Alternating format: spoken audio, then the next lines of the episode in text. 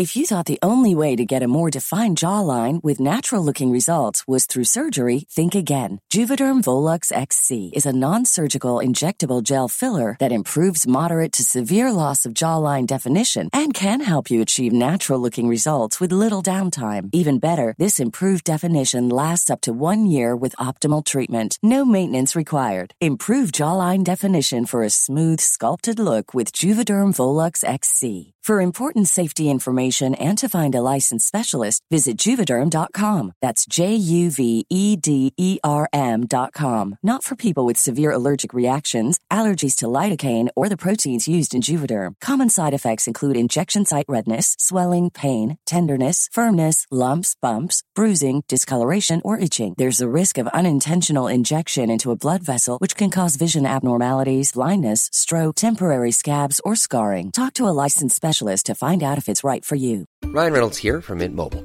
With the price of just about everything going up during inflation, we thought we'd bring our prices down. So to help us, we brought in a reverse auctioneer, which is apparently a thing.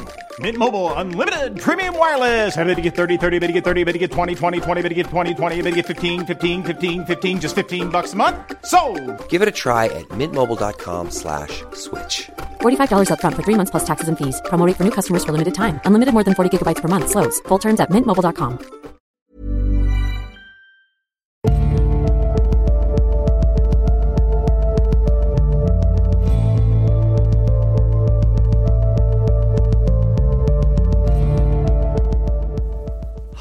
velkommen til Tåkeprat.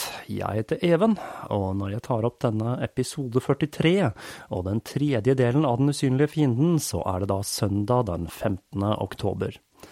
Jeg får håpe at eh, ingen av Tåkeprat sine lyttere fikk besøk av Jason på fredag, og er klare for avslutningen av denne serien om menneskets forhold til smittsomme sykdommer.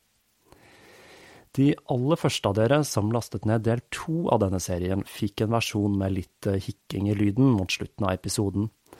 Jeg hører da alltid gjennom og kvalitetssjekker episodene før jeg laster de opp, men denne gangen så kodet jeg episoden en ekstra gang før opplasting, og det var selvsagt den ene gangen det skjedde noe galt.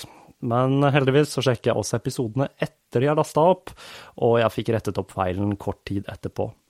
Men om du fikk en episode med litt eh, lydkrøll, så ligger det altså en ren episode ute nå, om du var en av de som var uheldige.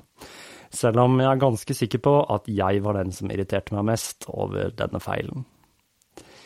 Det er virkelig artig å se at eh, Tåkeprat skyter fart, og at denne typen podkast ser ut til også å kunne fungere i Norge. Jeg har bitt meg merke i at eh, flere av dere som har funnet fram til Tåkeprat, hører gjennom hele serien fra begynnelse til slutt på relativt kort tid, og da blir medlemmer av den klubben som sitter og venter på Tåkeprat hver eh, søndag. Dette er en motivasjonsfaktor for meg når jeg uke etter uke begraver meg i den prosessen det er å sette sammen disse episodene. Jeg vil også oppfordre til å introdusere andre for podcaster. Jeg opplever til stadighet at eh, folk tror at dette er et format som er begrenset til repriser av Ekko eller andre radioprogrammer, eller at de da rett og slett ikke vet hva en podkast er i det hele tatt. Dette formatet er jo den perfekte formen for underholdning når man gjør ting som ikke krever for mye tankeprosess, og man da ønsker å fylle tiden med underholdning med innhold. Enten man trener, rydder, lager mat, pendler eller andre aktiviteter der man har muligheten til å få med seg en podkast-episode. Jeg vil også minne om at alle episodene av Tåkeprat ligger tilgjengelig for strømming og nedlasting fra tåkeprat.com. Denne siden den fungerer da knirkefritt på alle plattformer, og kan være et godt alternativ for deg som ikke har noe forhold til podkast-apper. Da har vi altså kommet til den siste delen i denne serien om sykdom, og nå skal vi se litt på hvordan menneskene har brukt disse mikroorganismene som våpen. For eh, fristelsen til å inngå en pakt med disse mikroorganismene og bruke deres dødelige potensial til å gi seg selv et strategisk overtak, har vært eh, litt for stor for enkelte som i likhet med Faust inngikk en pakt med djevelen.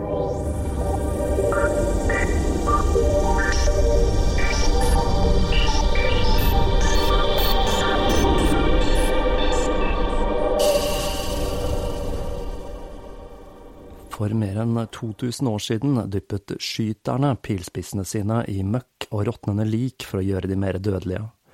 I 1346 katapulterte tartarene lik av personer som hadde dødd av svartedauden over bymurene til Kaffa. Det er da herlig å kunne bruke ordet katapultert i en setning. Det er ikke så ofte. Jeffrey Amherst, en britisk general som kjempet i Nord-Amerika mot eh, franskmenn og indianere i perioden 1754 til 63, delte ut tepper infisert med koppersmitte til indianerne, og startet en epidemi i denne befolkningen som ikke hadde noe naturlig forsvar mot dette viruset. Amherst ble i en periode sett på som en helt, og han fikk en rekke steder oppkalt etter seg men i dag så ses historien om Amherst i et annet lys, og han blir husket som den folkemorderen han var, litt på samme måte som Christoffer Columbus. Biologisk krigføring er antakeligvis et fenomen som er like gammelt som menneskeheten selv, men det var først med mikrobiologi menneskene virkelig fikk muligheten til å ta i bruk disse mikrobene på en målrettet og kontrollert måte. I 1942 utnevnte Franklin D. Roosevelt George V. Merck, presidenten i legemiddelfirmaet Merck, til å lede et hemmelig bakteriologisk krigføringsprogram. Hovedkontoret til dette programmet, Research and Development of Bioweapons, eller BV, ble opprettet i Fort Detrick, en militærbase i Maryland. Dette var hjertet av det amerikanske arbeidet med biologiske våpen fram til 1969, når prosjektet ble lagt ned av antikrigsbevegelsen som kom som en følge av Vietnamkrigen.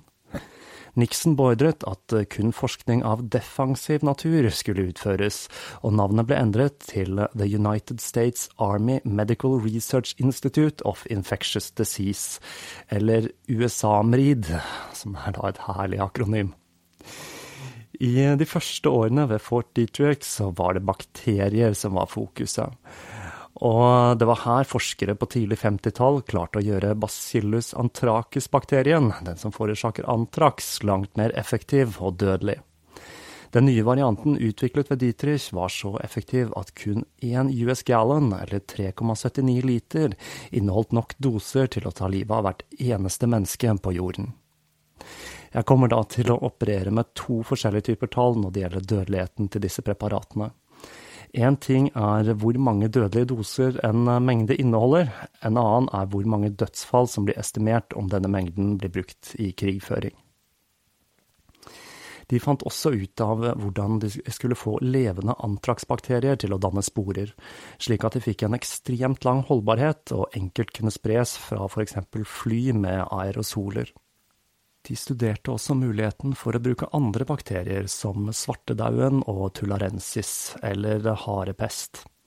Harepest er da en slags light-utgave av svartedauden, og den har en dødelighet på ca. 35% I Norge blir 20-50 mennesker smittet av harepest hvert år. Smitten overføres da ved kontakt med gnagere, noe f.eks. da harejegere er spesielt utsatt for. På høyden av våpenprogrammet så produserte USA 1,6 tonn med tullarensis-bakterier årlig.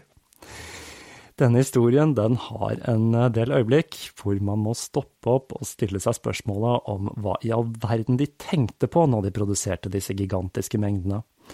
Er dette noe som ligger i den menneskelige natur? Mye vil ha mer, altså?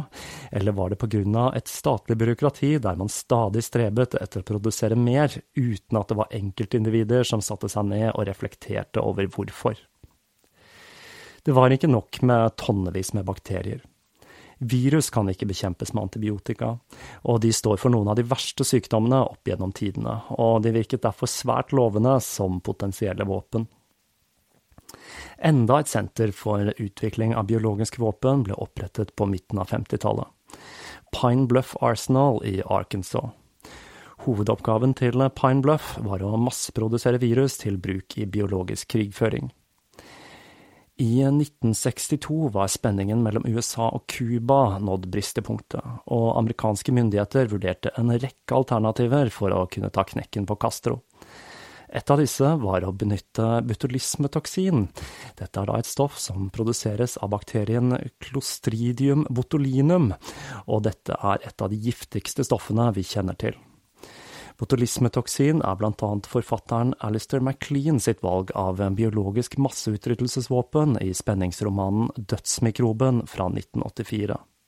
Jeg kommer tilbake til butulismetoksin senere i denne episoden, for du la kanskje merke til at det er noe veldig kjent med dette navnet. Men denne planen ble da litt i voldsomste laget for amerikanerne. De hadde jo tross alt ikke tenkt til å utrydde hele Cuba, så de kokte i hop en annen plan ved å sette sammen en cocktail av to mikrober og ett toksin som skulle spres via aerosoler fra fly. Den flotte blandingen amerikanerne kokte i hop, den besto altså av tre deler.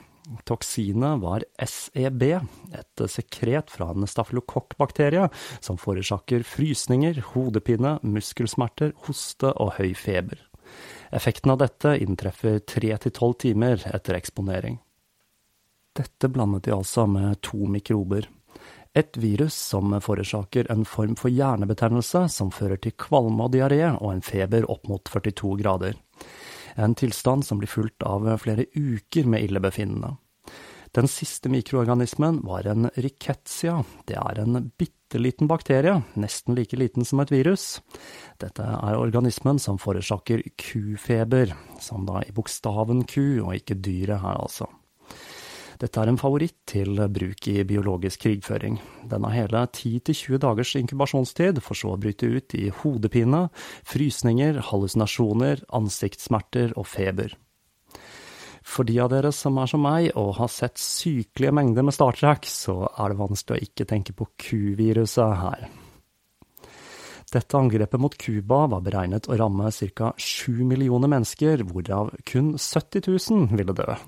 Og det beste av alt var at smittefaren ville være over innen amerikanerne gikk i land. De satte i gang produksjonen av dette preparatet, og produserte tusenvis av liter før noen heldigvis klarte å stoppe opp og tenke seg om, og prosjektet ble avviklet. Under Eisenhower og Kennedy så ekspanderte programmet fram til Nixon satte en stopper for det hele men dette forhindret ikke CIA fra fortsatt å lagre biologiske våpen og toksiner med potensial til å drepe millioner av mennesker. Dette inkluderte 100 gram av kopperviruset, samtidig som USA ledet arbeidet med å utrydde denne sykdommen. I 1972 ble en internasjonal avtale som forbød produksjon, bruk og oppbevaring av biologiske våpen undertegnet. Målet var at alle lagre skulle være destruert innen 1975. Men ikke bare var det vanskelig å se til at landene som skrev under på denne avtalen, gjorde det de sa de skulle, men den ble også tolket veldig liberalt. Det var nemlig ikke forbudt å forske på defensive våpen, og under Ronald Reagan så utførte Pentagon følgende prosjekter. 51 prosjekter hvor de forsøkte å lage nye patogener. 32 for å øke produksjonen av toksiner i mikroorganismer. 23 for å motvirke vaksiner, 14 for å forhindre riktig diagnose, og 3 som skulle bekjempe preventive preparater. Her strakk man altså begrepet defensivt så langt man bare klarte. Det å spleise gener for å lage nye organismer er en teknologi som stammer tilbake fra midten av 70-tallet. I 1978 genmanipulerte man en E. coli-bakterie slik at den produserte insulin noe som gjorde at man kunne masseprodusere dette hormonet uten å være avhengig av å ekstrahere det fra dyr. Dette endret hverdagen til diabetikere over hele verden. Denne teknologien hadde endeløse muligheter for produksjon av biologiske våpen. Under Clinton ble det brukt enorme summer på utviklingen av antibakteriologiske og antivirale preparater, annet genvaksiner.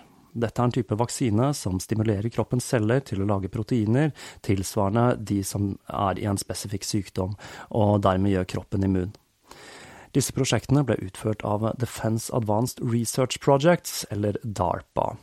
Og dette er en amerikansk etat som burde være kjent for de aller fleste, i hvert fall de som har snust litt på konspirasjonsteorier. Denne etaten utvikler ny teknologi til militær bruk, og de har også en rekke samarbeid med sivile organisasjoner, sånn som NASA.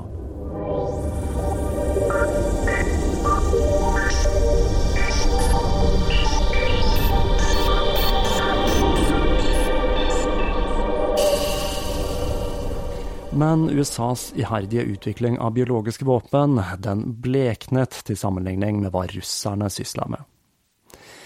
De hadde startet utviklingen av biologiske våpen så tidlig som på 20- og 30-tallet. Og disse prosjektene de skjøt av fart under Stalin, men det var med andre verdenskrig Russland for alvor satte i gang sine biologiske våpenprosjekter. I løpet av 40- og 50-tallet så dukket det opp en rekke fasiliteter på den russiske landsbygda som forsket på og produserte biologiske våpen. Noen, sånn som Sverdlovsk og Stepnogorsk, spesialiserte seg på antrax, mens andre utviklet varianter av kopper og pest.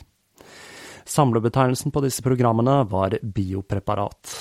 På høyden av prosjektet, på 1980-tallet, var dette så stort at mer enn 60 000 mennesker var ansatt ved mer enn 100 forskjellige installasjoner. Dette var det største biovåpenprogrammet i historien.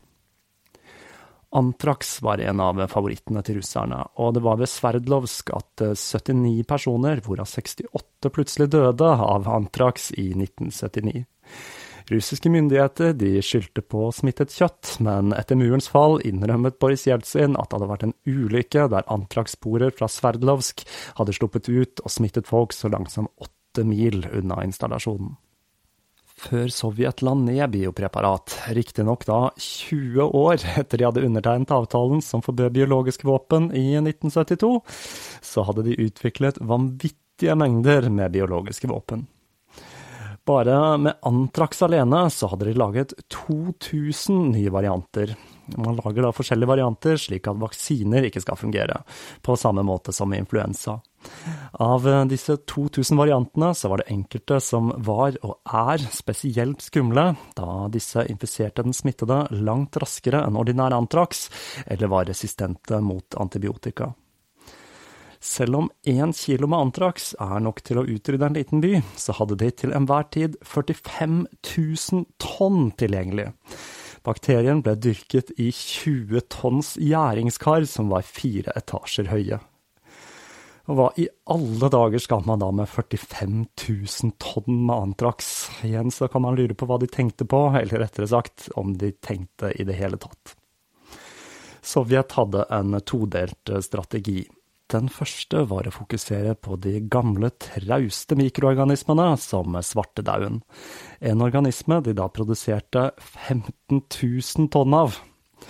Den andre strategien var å utvikle nye patogener, for selv om Vesten, i hvert fall delvis, fulgte forbudet mot biologiske våpen, så dreit Sovjet fullstendig i denne avtalen. Med store framskritt i genforskning og DNA på 70- og 80-tallet, så hadde russerne med biopreparat nye verktøy for å skape helt nye organismer med skrekkelige egenskaper. Russland lyktes også der USA feilet, nemlig i å utvikle en ny genetisk forbedret variant av svartedauden, som var motstandsdyktig mot vaksiner og antibiotika. Denne nye superpesten var i en fin pulverform som enkelt kunne transporteres, og man konstruerte bomber, interkontinentale raketter og artilleriladninger med den forbedrete utgaven av pesten, som en gang i tiden hadde tatt livet av halve Europa. Og hvem vet hvordan dette hadde utartet seg om dette våpenet, som var resistent mot vaksiner og antibiotika, hadde blitt tatt i bruk. Som jeg nevnte i de to foregående episodene, så ble kopper utryddet i 1977. Men amerikanske og russiske myndigheter har fremdeles viruset. På 1980-tallet bestemte russiske myndigheter seg for at det var en rasende god idé å utvikle dette viruset til et våpen. De produserte hundrevis av tonn og tilpasset dette viruset for interkontinentale raketter og bomber. Hvilken galskap som hadde besatt russerne til å masseprodusere dette viruset, og i slike vanvittige mengder, er vanskelig å begripe. Her får faktisk USA en stjerne i boka, for så vidt man vet da i det minste, så fantes det ikke et tilsvarende program for utvikling av koppervirus i statene. Mesteparten av arbeidet med kopperviruset det foregikk ved Vektor, som nå er det statlige forskningsinstitutt for virologi og bioteknologi. Dette senteret, som ligger i Sibir, spesialiserte seg på å lage våpen av verdens dødeligste virus. De hadde mer enn 120 forskjellige isolater av koppeviruset og mer enn 10 000 prøver av andre dødelige og eksotiske organismer. De sendte ekspedisjoner for å grave opp nedfryste lik av personer som hadde dødd av kopper, i håp om å finne nye varianter å eksperimentere med. Og til Afrika, da, for å forsøke å få til fatt i disse fryktede virusene som forårsaker hemorragisk feber. Målet var å krysse en av disse organismene med kopper, slik at de fikk en ny organisme som hadde smittsomheten og inkubasjonstiden til kopper, og den ekstreme dødeligheten til bløderfebervirusene. Dette er da en historie som hadde fortjent en film, en slags russisk Indiana Jones slash Walking Dead-hybrid der, altså. I 1988 så døde en sovjetisk vitenskapsmann av Marburg. Når man isolerte viruset han hadde dødd av, så oppdaget de sovjetiske forskerne at det hadde mutert til en ny og dødeligere variant.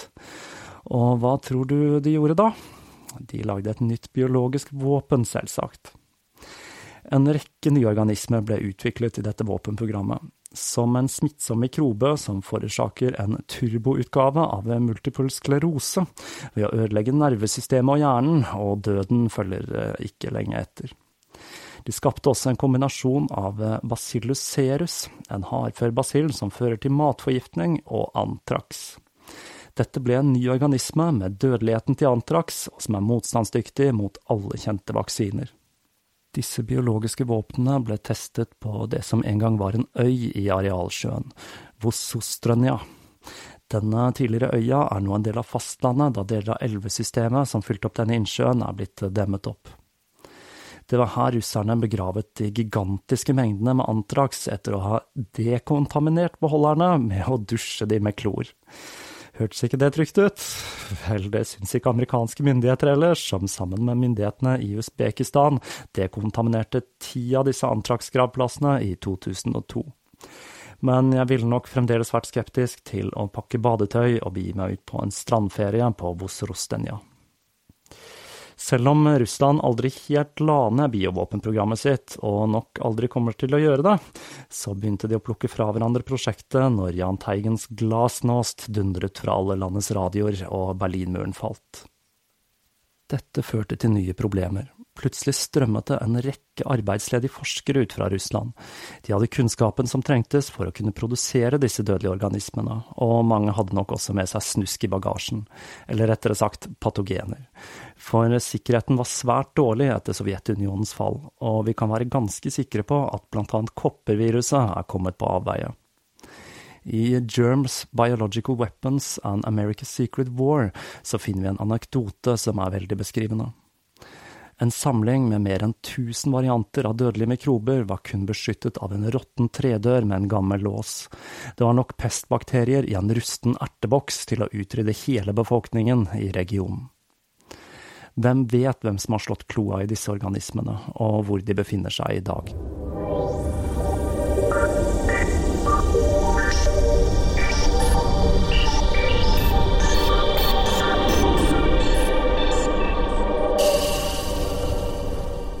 Det er to patogener jeg har spart i denne episoden, da disse er noe vi først og fremst kommer i kontakt med i forbindelse med biologisk krigføring. Antrax og botulismetoksin. Antrax eller miltbrann er en jordmikrobe som i naturen stort sett rammer beitende dyr. Dyret puster inn sporene til organismen, og mennesker blir smittet når de kommer i kontakt med et smittet dyr. Gjerne når man behandler ull, skinn eller lignende. Dette var en sykdom forbundet med mennesker som håndterte denne typen produkter, og har ikke vært en viktig spillebrikke i menneskehetens sykdom. If you thought the only way to get a more defined jawline with natural looking results was through surgery, think again. Juvederm Volux XC is a non surgical injectable gel filler that improves moderate to severe loss of jawline definition and can help you achieve natural looking results with little downtime. Even better, this improved definition lasts up to one year with optimal treatment. No maintenance required. Improve jawline definition for a smooth, sculpted look with Juvederm Volux XC. For important safety information and to find a licensed specialist, visit juvederm.com. That's J U V E D E R M.com. Not for people with severe allergic reactions, allergies to lidocaine, or the proteins used in Juvederm. Common side effects include injection site redness, swelling, pain, tenderness, firmness, lumps, bumps, bruising, discoloration, or itching. There's a risk of unintentional injection into a blood vessel, which can cause vision abnormalities, blindness, stroke, temporary scabs, or scarring. Talk to a licensed specialist to find out if it's right for you.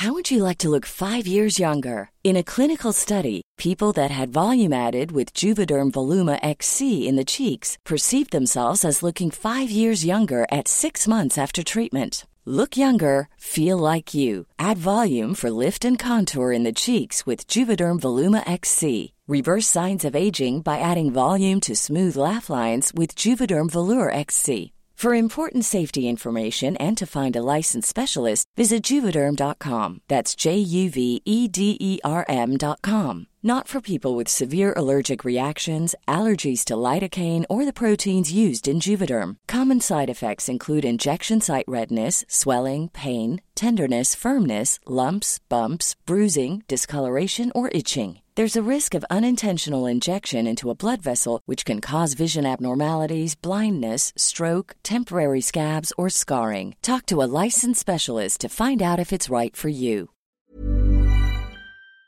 Sykdomshistorie. Den smitter heller ikke fra menneske til menneske, så hva er det som gjør denne organismen så attraktiv som våpen? Svaret, det er holdbarhet. Antraksbakterien er en av de få virkelig dødelige bakteriene som danner sporer. De fleste mikroorganismer dør raskt når livsvilkårene blir dårlige, men antraks lager en tykk hinne rundt seg selv og går i dvale når levekårene blir for dårlige. I denne tilstanden kan mikroben overleve ganske ekstreme forhold, og den tåler ting som tørke, stråling og ekstreme temperaturer. Bakterien kan overleve i flere tiår i denne tilstanden før den igjen våkner til liv når den kommer i kontakt med en vert. Det er tre måter man kan pådra seg antrakssmitte. Bakterien kan smitte gjennom en rift eller en brist i huden. Det danner seg da en liten klump som ligner på et insektstikk, gjerne med påfølgende utslett. I denne perioden formerer mikroben seg og begynner å produsere toksin som fører til verkfylte blemmer. Når infeksjonen utvikler seg, så samler disse blemmene seg til en byll på et par centimeter som er svart i midten. Lymfekjertlene i det rammede området kan også svelle opp, og symptomer som feber og muskelsmerter kan akkompagnere det hele. Dødeligheten til denne varianten er ca. 20% uten behandling, men tilstanden kan behandles med antibiotika. Man kan bli smittet ved å spise kjøtt som er infisert av mikroben, enten ved å spise kjøtt som er rått eller for lite varmebehandlet. Dette fører til at bakterien formerer seg i magen og tarmsystemet, og personen får magesmerter, kvalme, blodig oppkast og diaré samt feber. Sykdommen kan også infisere spiserøret og føre til utslett rundt tunga og en skikkelig, skikkelig sår hals. 25–50% dør av denne typen infeksjon, men den er veldig sjelden. Men den skikkelige varianten av antrakssmitte, om eh, du vil kalle det det, den man bruker som våpen, det er lungeantraks, hvor personen blir smittet ved å inhalere mikroben. Dette er den dødeligste formen. Inkubasjonstiden for denne typen infeksjon er mellom én og sju dager. De inhalerte sporene kan ligge i dvale i lungene i en lengre periode, noen ganger så lenge som 60 dager eller til og med lengre. De første symptomene er igjen de klassiske forkjølelses- eller influensasymptomene, med sår hals, lett feber, muskelsmerter og tørr hoste. Dette utvikler seg til en høy feber og pusteproblemer som oppstår når lungene fylles med væske. Døden følger raskt etter dette av blodtrykksfall og organsvikt. Denne versjonen er 90% dødelig. Det er ikke selve bakterien som dreper personen som er infisert med antrax, men toksinene organismen produserer. Dette er en blanding av tre toksiner som jobber sammen. De infiserer kroppens celler, og en favoritt er nettopp den hvite blodcellen som utgjør kroppens immunforsvar. Antrax ikke bare overlever kroppens immunforsvar, den spiser det, og kroppens egne immunceller frakter disse giftfabrikkene gjennom kroppen. WHO estimerer at ca. 50 kilo med velfabrikkert antrax sluppet ut fra et fly to kilometer over en by med en halv million innbyggere, vil føre til 125 000 smittede og 95 000 dødsfall. Som vi ser, så er dødstallene litt annerledes når man bruker disse preparatene i krigføring. Ulempen, om du vil kalle det det, med antrax, det er da at sykdommen ikke smitter fra person til person, og at den kan behandles med antibiotika. Men så var det vektor, da, og de resistente bakteriene utviklet av sovjetiske forskere. Med en liten genetisk omstokking så fant man altså måter å gjøre antrax til et enda bedre våpen. Og så var det godbiten botulismetoksin, da.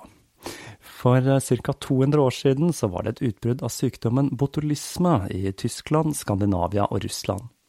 Dette er en sykdom med en svært høy dødelighet, og opphavet til utbruddet det ble sporet til pølser. Ja, pølser og navnet botulisme det kommer fra det latinske navnet på pølser, botulus. It's just pølser, but I like it, som slagordet til Hønefoss stolthet Leif Vidar lyder. Botulisme er en ekstrem form for matforgiftning, som forårsakes av toksinene produsert av en sporedannende bakterie, Clostridium botulinum.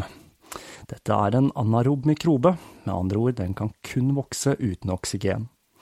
Dette gjør at den trives i hermetikk som er feilbehandlet, og da også pølser. Organismen produserer også en gass, noe som gjør at hermetikk med botulismetoksin vil ese ut. Toksinet er på samme måte som antrax ingen smittsom sykdom, men det som gjør at dette toksinet er så attraktivt som et biologisk våpen, det er dødeligheten. Kun en milliardels gram er en dødelig dose. I teorien vil ett melkeglass med denne giften være nok til å utrydde hele verdens befolkning. Og ikke minst så er det billig å produsere, noe som har gjort denne giften et yndet redskap for terrorister og små stater. Botulismetoksin er en nervegift som forhindrer at nervene klarer å stimulere muskulaturen til å trekke seg sammen.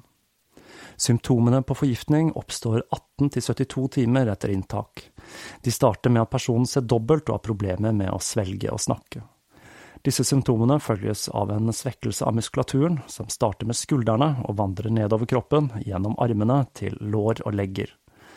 Døden inntreffer plutselig når musklene som kontrollerer pusten blir rammet, eller i enkelte tilfeller kan man dø av hjertestans. Et av de grusomste aspektene ved å dø av botulisme er at man er bevisst helt fram til slutten. En slags biologisk levende begravelse der, altså. Det finnes en motgift mot botulismeforgiftning, men her støter vi på en rekke utfordringer. Det finnes nemlig sju ulike varianter av mikroben, og hver krever sitt eget antitoksin. Om man skulle være så heldig å overleve det hele, så må man forberede seg på å tilbringe uker eller måneder i en svært nedsatt tilstand, og da gjerne i respirator. Det finnes også en vaksine som blir brukt i militære operasjoner der det er fare for å bli utsatt for denne giften, men man er usikker på effektiviteten til denne, og den er forbundet med flere stygge bivirkninger. Tidligere i denne episoden så nevnte jeg at mange av dere nok drar kjensel på navnet til denne nervegiften. En variant, variant C av de sju botulismemikrobene, blir nemlig brukt til å fremstille et preparat de fleste nok har hørt om. Botox. Yes, det stoffet Hollywood bruker til å bekjempe rynker, er en av verdens farligste nervegifter. Det slår meg at det må være en slags moral i dette, i det minste så bør det vel kanskje stå noe om dette i Bibelen. Jeg får huske på å spørre Jehovas vitner neste gang de kommer på besøk. Jeg er da en av de som syns det er gøy å ha Jehovas vitner på døra, og litt trist òg da, egentlig. Men eh, det virker ikke som de er like glad i meg, og jeg er redd jeg er blitt svartelistet som en tapt sjel i arkivene til vitnene. Her må det jo sies da at den varianten man bruker som medisin er en ekstremt fortynnet variant, og at Botox brukes til eh, langt flere ting enn å fjerne rynker, annet i behandling av muskelspasmer og migrene.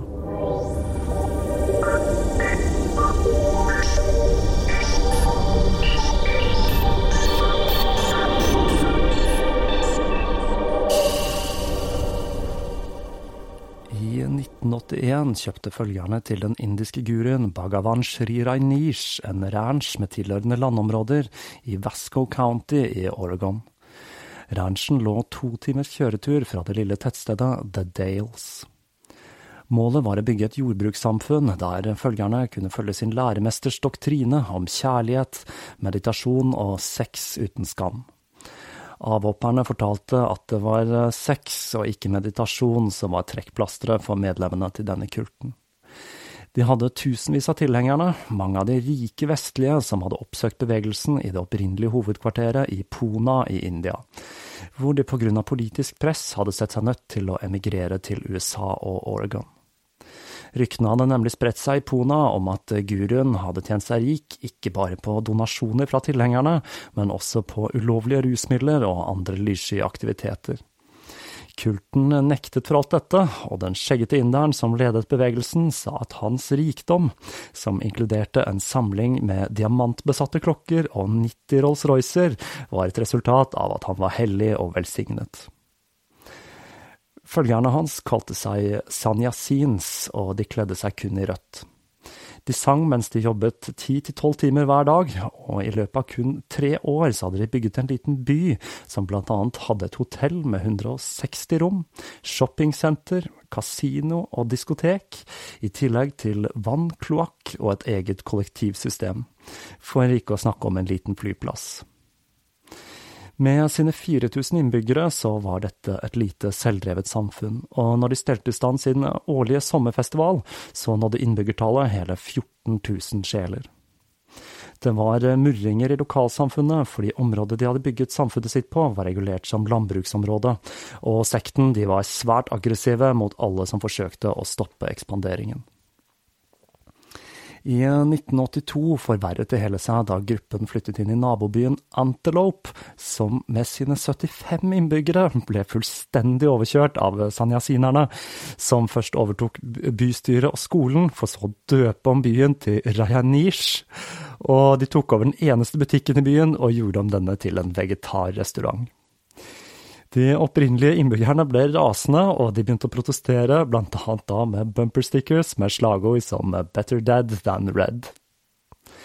Samfunnet på ranchen begynte også å ligne en by. De døpte den Rainish Puram og satte sammen sitt eget politi, en bataljon på 60 mann de kalte for Fredsstyrken, som ble utstyrt med våpen og militære effekter. Dette såkalte politiet det stoppet altså alle som beveget seg inn på områdene til kulten.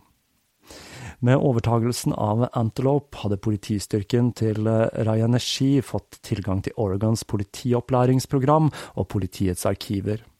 Men FBI, som hadde fått en rekke klager på oppførselen til kultmedlemmene, satte foten ned, slik at de ikke hadde tilgang til sensitiv informasjon på nasjonalt nivå. De fortsatte ekspanderingen og startet et eh, såkalt Share a Home-program, der de inviterte 3000 hjemløse fra New York til ranchen. Dette gjorde de ikke bare av god vilje, de planla nemlig å overta kontrollen i Vasco på demokratisk måte, ved da å vinne lokalvalget i 1984. De hjemløse ble da registrert slik at de kunne stemme.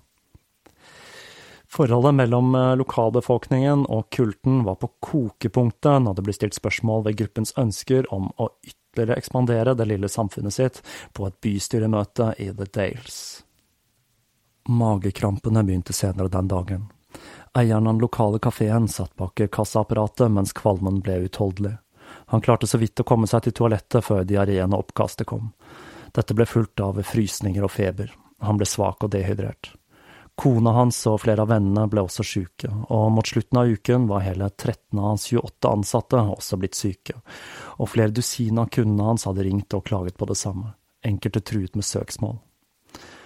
Klagene nådde Vasco Sherman Public Health Department. De kom fra et tjuetalls personer som hadde spist ved to ulike spisesteder i The Dales. Ikke lenge etter hadde kilden blitt identifisert fra avføringsprøver tatt fra en av de smittede. Det dreide seg om salmonella. Det viste seg at dette var en uvanlig variant av bakterien. Den kunne riktignok behandles med antibiotika, men denne typen var aldri sett i Oregon tidligere. Dagen etter salmonellabakterien ble identifisert, startet den andre bølgen med utbrudd. The Dales hadde uvanlig mange restauranter, da byen ligger langs en hovedvei, og i dette utbruddet kom det smittede fra ti ulike spiseplasser. Sykehuset var overfylt, og pasienter måtte settes på gangen. I løpet av utbruddet ble ca. 1000 mennesker rammet, og dette var det største epidemiske utbruddet i Oregon noensinne. CDC ble kalt inn, og en etterforskning ble igangsatt. Alle som arbeidet på de rammede spisestedene, og de som hadde blitt syke, ble intervjuet. Det ble tatt prøver av matvarer, men ingenting dukket opp. Kafeene og restaurantene hadde forskjellige leverandører av råvarer, det eneste fellestrekket var at alle de som var blitt syke, hadde spist salat. Etter hvert så fant man spor etter salmonella i dressingen og kaffemelken, men det var ikke bakterier i pulveret som ble brukt til å lage disse, noe som pekte på at de hadde blitt smittet av salmonella etter de var laget. Men av hvem og hvorfor? Flere i lokalsamfunnet pekte på kulten som synderen, men det hele ble avfeid og saken ble lagt på is i mer enn et år. Den 16. september 1985 beskyldte Guru Bhagwan Sheila, en fanatisk tilhenger som hadde sin egen lille gruppe følgere, for å ha innført et fascistaktig regime, for å ha stjålet penger, ha forsøkt å drepe andre kultmedlemmer og for å ha forgiftet statsadvokaten i Jefferson County. Og ikke minst, han hadde oppdaget at hun hadde et lite laboratorie der hun eksperimenterte med gift på hvite mus. Føderale myndigheter, det lokale politiet og Nasjonalgarden ble varslet, og de gjennomsøkte eiendommen, hvor de fant et hemmelig rom under Sheilas hus. De fant også glassflasker med bakteriekolonier som ble sendt til CDC, som slo fast at dette var nøyaktig den samme typen salmonella som hadde forårsaket utbruddet i The Dales. Den påfølgende etterforskningen avdekket at det var mer enn Sheilas laboratorie i denne historien. Gruppen til Sheila hadde drevet systematisk overvåkning av hotellet, flere av husene til følgerne, telefonkiosker, vegetarkafeen og til og med soverommet til Bagwan. Det var også lagt en rekke planer for å drepe og forgifte en hel rekke mennesker, blant annet politikere, journalister og avhoppere.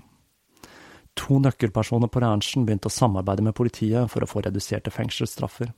Historiene de fortalte, gjorde sterkt inntrykk på etterforskerne. Det viste seg at kulten hadde eksperimentert med en rekke forskjellige typer gift, kjemikalier og bakterier. Hjernen bak dette prosjektet var den 38 år gamle filippinsk-amerikanske sykepleieren Ma Anand Puja, eller Dian Yvonne Onang, som hun da egentlig het. Hun var kjent på ranchen som den kvinnelige Mengele, og hun var besatt av gift, bakterier og sykdom. Hun hadde hjulpet til med å dope ned de hjemløse fra New York, da flere av de hadde psykiske problemer. Dette hadde hun gjort med å injisere ølbokser med Haldol, og også ved å blande dette preparatet inn i potetstappet som ble servert til det. Haldol er da et antipsykotikum som man bruker i behandling av schizofreni og andre atferdsforstyrrelser. Pooja var ansvarlig for å kjøpe inn medisiner til ranchens apotek, og denne lisensen ga henne også tilgang til å kjøpe inn bakteriekulturer fra The American Type Culture Collection, hvor hun i tillegg til salmonellabakterien hadde fått tak i kolera og harepest. Hun hadde også forsøkt å dyrke fram hiv-viruset ved å ta blodprøver fra en hjemløs som hadde testet positivt for denne sykdommen, som da nylig var blitt oppdaget. Men det spørs vel da om hun til tross for sin iherdige stå-på-vilje hadde utstyr og kunnskap til å gjøre dette. Bagwan forsøkte å flykte da han forsto at han kom til å bli pågrepet, men han ble arrestert i Charlotte, North Carolina, med en liten gruppe disipler, 21 kofferter som inneholdt 58 522 dollar i forskjellig valuta, 35 juvelbesatte klokker, 17 par designersolbriller, og i tillegg til dette så hadde disippelen hans fraktet med seg tronen hans, for trone, det må man ha. Denne hendelsen fikk eh, lite oppmerksomhet i media, men eh, helsemyndighetene ble gjort oppmerksomme på hvor enkelt det hadde vært for denne kulten å spre et patogen i sivilbefolkningen, og hvor enkelt det var å bestille potensielt dødelige organismer lovlig fra en kulturbank, og ikke minst hvor dårlig kommunikasjonen mellom forskere og rettsapparat var. Det var jo kun av kulten selv at det hele ble avdekket, og at ytterligere biologiske angrep med farligere organismer ble forhindret. I stillhet begynte føderale myndigheter og eksperter å forstå hva de sto ovenfor.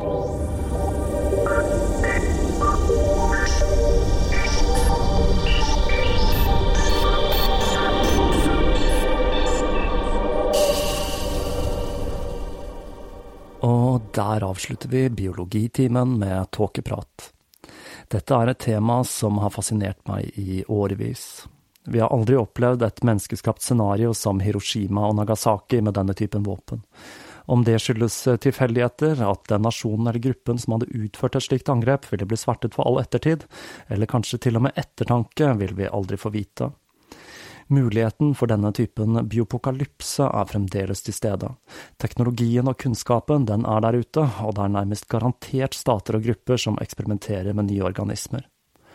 Forestill deg en radikal gruppe som ønsker å drepe flest mulig mennesker, som da eksempel kombinerer smittsomheten til meslinger med dødeligheten til ebola og en uvanlig lang inkubasjonstid, la oss si 10-14 dager. Alt denne gruppen trenger å gjøre, er å smitte en eller flere som er villige til å ofre seg for saken, og sende disse til verdensmetropoler som LA, Tokyo og London. Hvor mange tror du er smittet, før man, om man da i det hele tatt klarer å stoppe et slikt utbrudd? Her snakker vi om et scenario hvor hele vår sivilisasjon ville gått til grunne. For ikke å snakke om sikkerhetsrisikoen som er forbundet med patogener som er kommet på avveie etter Sovjetunionens fall og nedleggelsen av biopreparat. Hva skjer om for eksempel en av disse supervariantene av kopperviruset eller svartedauden kommer på avveie? Risikerer vi å måtte sette et land eller et kontinent i karantene? Og hvem er egentlig vi i den sammenhengen? I prosessen med å sette sammen disse episodene, så har jeg også lært at WHO sine nettsider er en knakende god kilde til oppdatert informasjon og statistikk om sykdom, medisin, vaksinering osv. Dette har da vært en svært krevende serie å sette sammen, for det er ikke rom for å gjøre feil i et tema som dette, som da tross alt er et svært viktig et og jeg håper denne serien kan fungere som en liten påminnelse om hvor flyktig den perioden med fred og fravær av smittsomme epidemier er i historisk sammenheng. La meg rette meg selv litt der med en gang. Eh, en periode med fred og fravær av smittsomme sykdommer i vår del av verden, for apokalypsen den pågår akkurat nå i flere andre land. Jeg kan anbefale Vice sin dokumentarserie The Cannibal Warlords of Liberia som en liten påminnelse om dette. Her blir vi introdusert for General Buttnaked, som pleide å få sine tilhengere til å spise barnehjerter før de gikk i krig. Den ligger på YouTube om du har lyst på en liten påminnelse om hvor kjekt det er å bo i Norge. I løpet av disse tre ukene har jeg også gjort nok nettsøk på smittsomme sykdommer og terror til at jeg forestiller meg at den røde lampa hos Kripos begynte å lyse. På samme måte som når jeg arbeidet med Døtre av Det tredje riket, så skulle det ikke så altfor mange klikk til før jeg befant meg på nettsider med ekstremt politisk innhold, for da ikke å snakke om alle konspirasjonsnettsidene. Jeg har nok eh, selv også blitt litt mer bevisst på muligheten for smitte og hvor mange smittekilder de fleste av oss er i kontakt med hver eneste dag. Men jeg tror ikke jeg er blitt helt hypokonder riktig ennå, selv om jeg må si at det er like før jeg stikker på apoteket og kjøper munnbind. Det kan i hvert fall være kjekt å ha. Og med det, og fram til neste episode, så gjenstår det bare å si på gjenhør.